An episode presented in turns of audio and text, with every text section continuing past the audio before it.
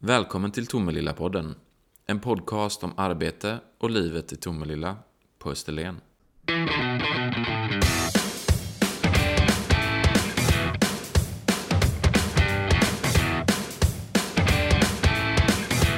Välkommen till Tomelilla-podden Johan Holmqvist, skolchef.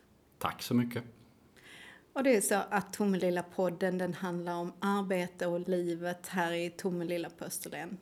Och en stor del i livet är ju skolan, eller hur? Ja, jag brukar säga att skolan är all del i livet. Skolan är ju, man börjar i skolan redan i förskolan, sen så effekten av skolan är ju kvar i hela livet. Sen är det lite kul med skolan för att det är så många som jag brukar använda betoningen tycker om skolan istället för tycker om skolan. Och där har vi ett litet bekymmer. Ja, för alla tycker någonting om skolan, Ja. eller hur? Absolut. Och det är inte så konstigt för att det är ju faktiskt så att alla har gått i skolan. Eh, näst, många har föräldrar till barn som går i skolan. Några är eh, farmor och farfar och föräldrar, föräldrar till barn som går i skolan. Och alla har sin bild av skolan och sin favoritskola. Ofta, eller sin hemska skola. Ofta då baserat på sina egna erfarenheter. Man hade en favoritfröken eller man hade någon man inte tyckte om i skolan. Man hade något ämne, man hade läxor. Och det tycker vi om som vuxna. Vi är kvar i vår skola. Jag brukar säga att jag gick i skolan på 70, 80 och 90-tal. Det är min skola någonstans. Men går det att få en, en objektiv eh, svar på vad är en bra skola när det finns en massa subjektiva svar? Ja, det, alltså det är inte lätt där inte. Och och man försöker forska fram vad är en bra skola. Men det, är, det har vi ju läst om PISA, svensk skola i fritt fall. Och gör si så blir det så, gör så så blir det så. Och alla har liksom förslag. Men visst finns det saker som, som är en bra skola. Det finns några eh, liksom ingredienser som man har kommit fram till. Det är en bra skola. Och påverkar skolresultat. Men du, innan du ger oss några ingredienser till det här receptet på en bra skola så måste jag ställa frågan först. För att första gången jag hörde ordet skolchef så trodde jag att det var rektor. Men så är det inte, eller hur? Nej, så är det inte och det är vanligt, eh, jag ska inte säga fel, men en missuppfattning. Det kan vara så att mina barn tänker, min minsta tänker att pappa är nog rektor. Nej, skolchef. Eh, Och det är, liksom, det är också en förklaring bakom goda skolresultat. Inte skolchefen, men rektorn. Och, eh, rektorn är ju den som så att säga har störst inflytande på sin skola tillsammans med personalen. Skolchefer, ja vad gör de då? Jag brukar säga ibland, är du en sån där kommungubbe? Så kan mina barn en grå kommungubbe. Ja, lite är det väl så. Men någonstans ska ju leda rektorerna i deras ledarskap. Jag ska inte in och leda varje enskild skola. Ibland säger man så här, men du är inte på vår skola. Nej, och det är, liksom, det är ju tråkigt på ett sätt för skolan är häftigt att vara på och liksom, eller underbart ibland och det händer saker i skolan. Men det är inte min uppgift att vara ute på skolan, det är ju rektor och personal. Så det, det finns en missuppfattning. Ja, då får du säga till rektorn. Och rektorerna, de har en duktig och skicklig, och vi har många duktiga och skickliga rektorer i Tomelilla. Eh, de ska ju så att säga driva sin skola med sina egna, liksom, så långt det går med sina egna tankar och visioner för den skolan. Och jag ska ge dem möjligheter. Och det är ju ett flummigt begrepp, va, då, ge möjligheter. Men det handlar liksom om att, man, att vi tillsammans har en samsyn. Vi har några stora mål vi ska ta oss mot och så här arbetar vi. Men sen är det mycket upp till rektorn, som jag inte har varit. Och innan det var du lärare. Jajamän. Ja. Men hur var din skola? Den skola, ja, jag har haft flera skolor som elev. Ja, som elev. Då, hade jag, då gick jag, började jag grundskolan eh, 77, eller egentligen 76, men då började man något som heter, det heter ju, nu heter det förskoleklass, då hette det lekis. Och det säger vi, ja, då gick man på lekis. Antingen förmiddag eller eftermiddag. Men nu är det förskoleklass. Eh, på 70-talet har det hänt rätt mycket. Då släppte man skolan fri, kan man säga. Den var jättereglerad på, på, fram till 60-talet och in en bit i 70-talet. Det var min tidiga skolgång. Jag kommer ihåg, och jag hade en gammal fröken, det sa man då. Man sa inte lärare eller pedagog, utan då sa man fröken. Och min fröken hade säkert jobbat i skolan i, jag tyckte hon var buskammel, men hon hade jobbat i skolan i, kan vi säga 20-30 år, så vi upplevde det som jättegammal. 77 så inledde vi med salmer, med psalmsång på morgonen. Och det är någon slags en 50-talsskola som kom tillbaks. Sen har jag upplevt skolan då som, när jag började gymnasiet så var det rätt så, då var yrkesprogrammen tvååriga. Det var en jätteskillnad. Jag läste inte lika mycket som idag till exempel. Eh, man hade, vi hade linjer, vi hade sifferbetyg. Femmorna kunde ta slut, som alla kommer ihåg, som är lite Ja, äldre. det kommer jag ihåg tyvärr. Ja. Och, vilket egentligen var en feltolkning om vi säger så. Men så att det, det var min skola. Jag trivdes jättebra i skolan som, som elev, det kan man nog säga. Jag tänker du måste ha trivts bra Mm. skolan, för sen blev du lärare. Ja. Och lärarbanan kanske, att det var lite en slump, men jag har alltid varit idrottsintresserad. Och vad för någon slags lärare ska man bli då? Ja, då var jag idrottslärare. Jag tänkte då, då får jag bli lärare inom idrott. Och det var mest idrotten som sådan. Sånt kan locka lärare. Är man intresserad av matematik, fysik, kemi så tänker man, nej men då kanske jag ska bli lärare. Man tänker kanske inte så mycket på att man ska lära ut och vara med i ett lärande sammanhang, utan det är intresset. Många idrottslärare på min tid hamnar utifrån ett idrottsintresse. Så att det var så jag liksom halkade in på idrottsbanan. Och sen halkade du ur. Du sen blev halkade, jurist. Sen halkade jag ur, ja. För någonstans hade jag ju en dröm, men det här verkar veligt. Men jag, jag brukar säga så att inget man har lärt sig i livet är bortkastat. Det är någon som kan säga, oh, hur kan du ha så mycket studielån för det här? Det är, har du ingen nytta av det? Jo, man har nytta av allt man läser. Man kan läsa, mm, jag brukar säga, man kan läsa 30 högskolepoäng Harry Potter. Och det har man i förlängningen någon, någon nytta av. Alltså det handlar om livslångt lärande, att man ska hålla igång den här nyfikenheten och lära sig nya saker. Men, nu pratar jag på för mycket.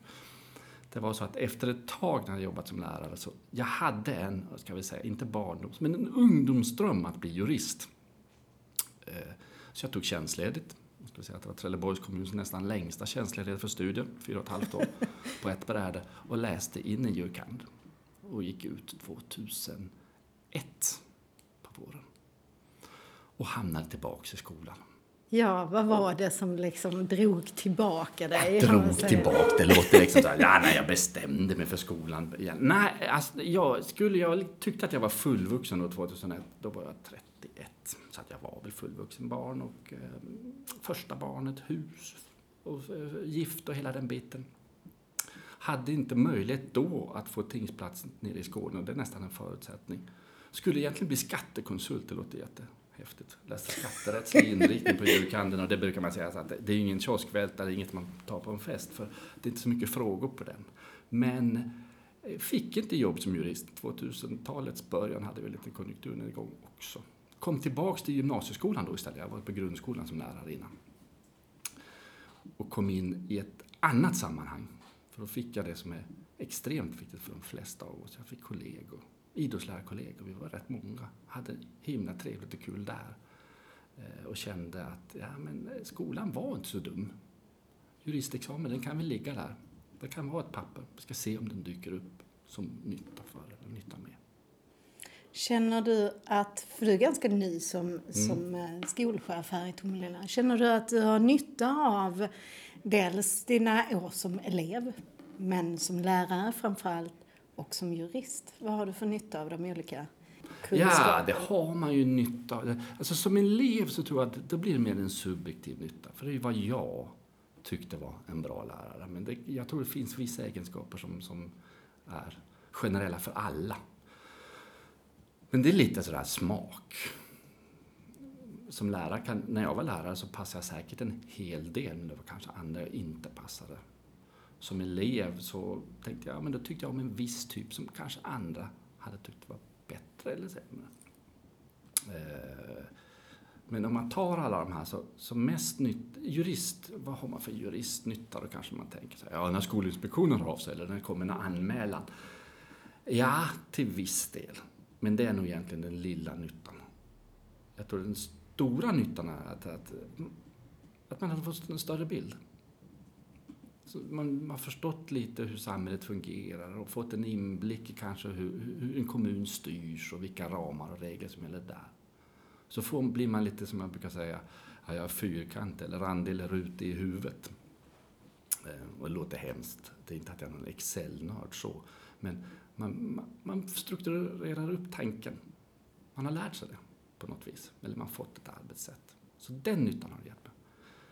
Och den största nyttan av de här erfarenheterna av en bra skola, det är nog faktiskt att jag har jobbat som, så länge i skolan och sett en del lyckanden och misslyckanden också. Utifrån hur skolan organiseras, vad man ska tänka på. Så det är nog den största nyttan utav liksom bak. Och med den här personliga då, känslan, den följer med. Men allt det här, liksom det här pusslet Mm. som du har med dig kan man säga. Vad var det som lockade nu när du sökte till det skolchefsuppdraget i Tomelilla kommun? Jo, jag, jag har en liknelse där. Och den, nu, nu får man eh, inte missuppfatta, men jag brukar säga så här att Tomelilla har en jätteutmaningar. Tomelilla eh, kommun, Tomelilla skolsystem har jätteutmaningar med elevernas resultat, kunskapsresultaten. Det vi börjar med egentligen att prata om skolan är så viktig för det hänger med hela livet hur det går i skolan. Och, och det var en utmaning. Och samtidigt som jag tror att det finns jättefina förutsättningar i Tomelilla. Eller jag vet att det finns fina förutsättningar. Vi har duktiga, duktig personal, duktigt ledarskap. Vi har helt säkert elever med potential. De kombinationerna, jag brukar göra en sportliknelse här. Det här är som tar över ett, ett, ett lag som har alla förutsättningar men som inte liksom har lyckats nå ända fram utav någon anledning. Och den utmaningen kände jag, ah, jag har sökt utmaningar, eller fått utmaningar i mina tidigare uppdrag också. Så tänkte jag, men det här är faktiskt en liten utmaning. Inte för mig personligen så, men för oss är det en utmaning. Men finns det då, om vi ska återgå till sportliknelser, ska Tomelilla vinna SM-guld i nej, skol? nej, Tomelilla ska inte vinna SM. Man kan inte tävla i skola. Även om man läser i tidningen om PISA och Ja, Lärarförbundets kan man inte tävla i skolan? Nej, det kan man inte för att, att, att, eh, det är helt olika sporter beroende på vilken kommun man är. Jag har jobbat i Vellinge som exempel. Och i Eslöv. Eh, Vellinge och Eslöv, de spelar inte samma spel egentligen utifrån vilka förutsättningar man har. Och då ska man inte tävla mot varandra. Samma gäller Tomelilla, vi ska inte tävla mot Vellinge eller bli årets bästa skolkommun. Det är inte det, för jag förstår liksom innebörd. Det blir lite mer spännande om man paketerar skolans uppgång och fall eller eh, i ett liksom tävlingssammanhang. Men det vi kan bli bättre på, den gren vi ska tävla i, och det är att titta på vilka, man brukar prata om socioekonomiska förutsättningar. Hur, hur ser det ut i våra familjer? Vilken utbildningsbakgrund har hemmen? Och de bitarna. Där ska vi tävla och säga så att ja, Tomelillas barn, elever, ungdomar, de ska prestera lite bättre än vad man spår, för eh, statistik spår. Jaha, så här ska det gå för oss. Det är den tävlingen som vi ska ge oss in i. Och säga så här, nej, vi ska vara faktiskt, de tror att vi inte ska, de tror vi ska leverera det här. Gör det lite bättre. Vi tävlar inte med Vellinge eller med Svedala eller med Skurup, Sjöbo och all kranskommun, utan det är att vi ska faktiskt visa att nej, ni trodde så här om oss, men vi är lite bättre. För då finns det ändå någonting objektivt i detta allt tyckande. Ja, om även om det är statistik i bakgrunden så finns det faktiskt någonting objektivt. Och jag tror också att det är viktigt att få till den tron hos elever och hos Eh, oss som jobbar med skola. Att nej, men vi kan bli lite bättre. Och jag tror också det är extremt viktigt att föräldrarna tänker så. Att man tycker om skolan, inte tycker om skolan. Och just det här att man lägger goda ord för och om skolan och tror att vi tillsammans med eleverna, barnen, kan bli lite bättre. För jag tror det finns en syn på skolan som eh, ibland kan det finnas skolan som mindre viktig. Och då brukar man säga att det påverkar skolresultaten jättemycket. Nu knyter vi an till forskningen som var inne på innan. Detta. en del är att man som eh, både föräldrar och vi som jobbar i skolan och eleverna har höga förväntningar. Ja, vi ska tro att vi ska lyckas. Vi ska tro att vi ska lyckas med elever och barn. Föräldrarna ska tro på oss och att deras barn, elever, lyckas. Och eleven själv ska gå in och tänka först på ett lyckande, inte på ett misslyckande. Om du ska ge mig något råd då Mm. som förälder, jag har tre barn i skolan, just nu väldigt, för den här frågan väldigt bra fördelad, en på lågstadiet, en mellan och en på högstadiet. Ja, vad bra. Ja, Mm. så är, är, har du något annat råd? Jag ska signalera att jag tror på skolan Mm. Ja. och jag tror på dig. Har du något annat råd till mig som förälder? Ja, då hade jag ett jättebra tips. Och det är egentligen inte mitt. Det är som alla bra tips, de kommer från någon annan. Oftast. Jag hade en rektor för, för ett tag sedan som inledde sina föräldramöten. Och det här, här kommer tipset. Sa rektorn så här. Första gången jag samlade föräldrarna så sa han, sa han jag vill ha en sak av er. Jag vill att ni aldrig pratar illa om skolan hemma med era barn vid köksbordet. Och då började alla skruva på sig. Och så la han till. Jag vet att vi gör fel emellanåt. Det kan hända. Då och då. Mänskliga fel händer alltid. Det blir inte som vi har tänkt. Ta det då med mig. Ta det inte med era barn. Och den passningen tycker jag är ganska modigt och ganska rätt fram att säga så, men det ligger någonting i det. Verkligen. Men då får man ju, tänker jag, alltså ett föräldraperspektiv, vara sådär öppen och modig. Alltså känna att Ja. man har den kommunikationen. Finns det, hur kan ni underlätta i skolan för att vi kan ha den? Ja, det är möten, att träffa, involvera föräldrarna och göra föräldrarna förstå. Och det är vi lite dåliga på i skolan, tror jag säkert. Både vi här och på andra ställen. Att vi kanske inte får till den här föräldrakommunikationen. Vi berättar inte om vad vi gör i skolan. Det blir liksom misstänksamhet. Och sen är det också lite marigt för att i skolan så, så brukar man säga, vi har ju mycket som, som vi på kommunen hittar på, eller som staten hittar på. Så att uppdraget i skolan, att stå i klassrummet, det är ansträngt, för det är så mycket man ska göra. Och så har vi föräldrarnas förväntan egentligen kanske ofta bara, vi tar utvecklingssamtal som exempel. Eh, man ska ha ett utvecklingssamtal. Det måste man ha, det ska man ha. Det är bra för eleverna, det är bra för föräldrarna, det är bra för läraren. Och vi som föräldrar, vi tänker så här, nu är det ett föräldramöte igen och, och ska vi... Det räcker med att hör vi ingenting så är det bra. Att få det om, att som förälder vara stressad med jobbet och så också engagera sig i skolan. Skolan som gör allt för att liksom få föräldrarna engagerade. Och där måste vi hitta en bra balans. Faktiskt. Det här med digitala verktyg och kommunikationer då. Ja, Är det, det ett det är ett att- sätt. Det är ett sätt. Inte helt oproblematiskt. Det, smart använt så, så ökar det möjligheten att kommunicera. Inte träffas IRL, det måste vi göra emellanåt.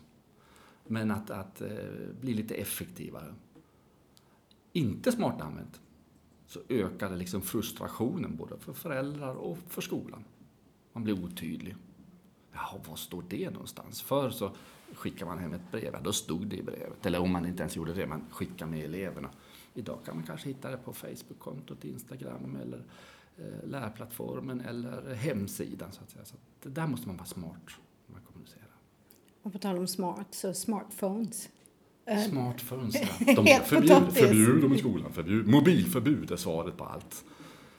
Är det svaret på allt? Nej då, det är inte alls svaret på någonting skulle jag vilja säga. Det, jag förstår det. När man, och det är, det är faktiskt eh, rektorn tillsammans med elever och personal som rektorn beslutar men, kring sådana saker. Jag kan förstå det om det distraherar skolarbetet. Eh, sen förstår jag det inte utifrån en annan aspekt. För att mobiltelefonen i sig är ju inget problem. Eh, jag brukar säga så här, att, ja men då tittar de bara, ja men så har man läsplattor eller iPads eller andra sådana läsplattor, eller datorer i skolan, då kan man titta på fel saker. Jag har en klasskompis, han läste Kalle Anka innanför matteboken, så han tittar på fel saker. Så det, problemet är ju inte utrustningen i sig, det är egentligen att få elever, barn, att släppa den utrustningen när de behöver släppa den. Att använda utrustningen till skolarbete och lärande. Det är det som är utmaningen. Mobiltelefonen i sig, inget problem. Lika lite som paddan eller datorn. Där någonstans. Så att, att kategoriskt säga mobilförbud löser allt. Nej, sa jag säger jag. Det löser ingenting. Kommer barnen själv på bra lösningar på problem som detta kan vara? Ja, det skulle jag vilja säga. Det, det, det, det borde man ju inte förundras av egentligen om man jobbat så länge i skolan som jag. Nu träffar jag inte barn och elever speciellt mycket. Så det kan ju någon kanske bli lite irriterad. Säga, Jaha, säger han som inte träffar och ser hur situationerna är. Men mina erfarenheter är att barn eller ungdomar, om man nått den åldern, kommer med jättebra konstruktiva lösningar och förslag på lösningar. Sen är de också oftast lite liksom hårdare än vad vi vuxna är med just konsekvenser och sånt. Att det här ska göras, det här har vi kommit överens om. Så det finns all anledning att släppa in så att säga, barn, unga i de processerna. när man ska besluta saker. Mm, för jag tänker just med tanke på eh, barnkonventionen som har blivit lag. Mm. Hur jobbar ni med att öka delaktigheten för eleverna i deras arbete eller arbetsplats? Ja. Och där är utmaningen för att skolan generellt, alltså barnkonventionen eh, var tidigare en konvention och lika bindande, nu har blivit lag. Eh, Skolan har ju i sin läroplan och och styrdokument inskrivet om elevinflytande, barns inflytande i verksamheten. Så att, och det har ju alltid funnits. Det som barnkonventionen gör, det är att, och det som man kanske glömmer bort för man tänker sig barn, ja, men då placerar vi det här arbetet i skolan, för det är ni som har barnen. Men barnkonventionen det är ju att barn, elever ska få inflytande över allt. Eller ett bredare inflytande. Så det är det vi har försökt jobba till och det finns ett eh, ungdomsråd, ungdomsfullmäktige som har ett presidie i Tomelilla som liksom är primärt som vi jobbar med barnkonventionen. Vi är precis i uppstarten kan man säga. Men det handlar om att få in ungdomars och barns inflytande på andra delar i kommunens verksamhet som, som gör någonting för barn och unga som påverkar dem. Och där har vi liksom någonting att lära oss och jobba med framöver. En utmaning helt Det är en enkelt. utmaning, för vi som vuxna kan säga så här att ja, eh, vi bygger en, eh, vad ska vi ta, en eh, hockeyrink, vi tar som exempel, för våra barn och unga. Och så glömmer vi lyssna, men är det någon som vill ha en hockeyrink? Eller eh, vad vill man egentligen ha bland barn och unga? Det handlar inte om så att säga att en parallell demokrati, men det handlar ju om att lyssna in så att vi som kommun, när vi fattar våra beslut, förstår liksom, ja men det är nog det här de vill. För det är så lätt om vi backar tillbaks till vår skolbild igen. Ja, när vi ska bestämma vad barn och unga tycker om saker, då hux flux är vi tillbaks när vi var barn och unga. Och vi tycker inte samma som de gör nu. Det är en sak som är säker.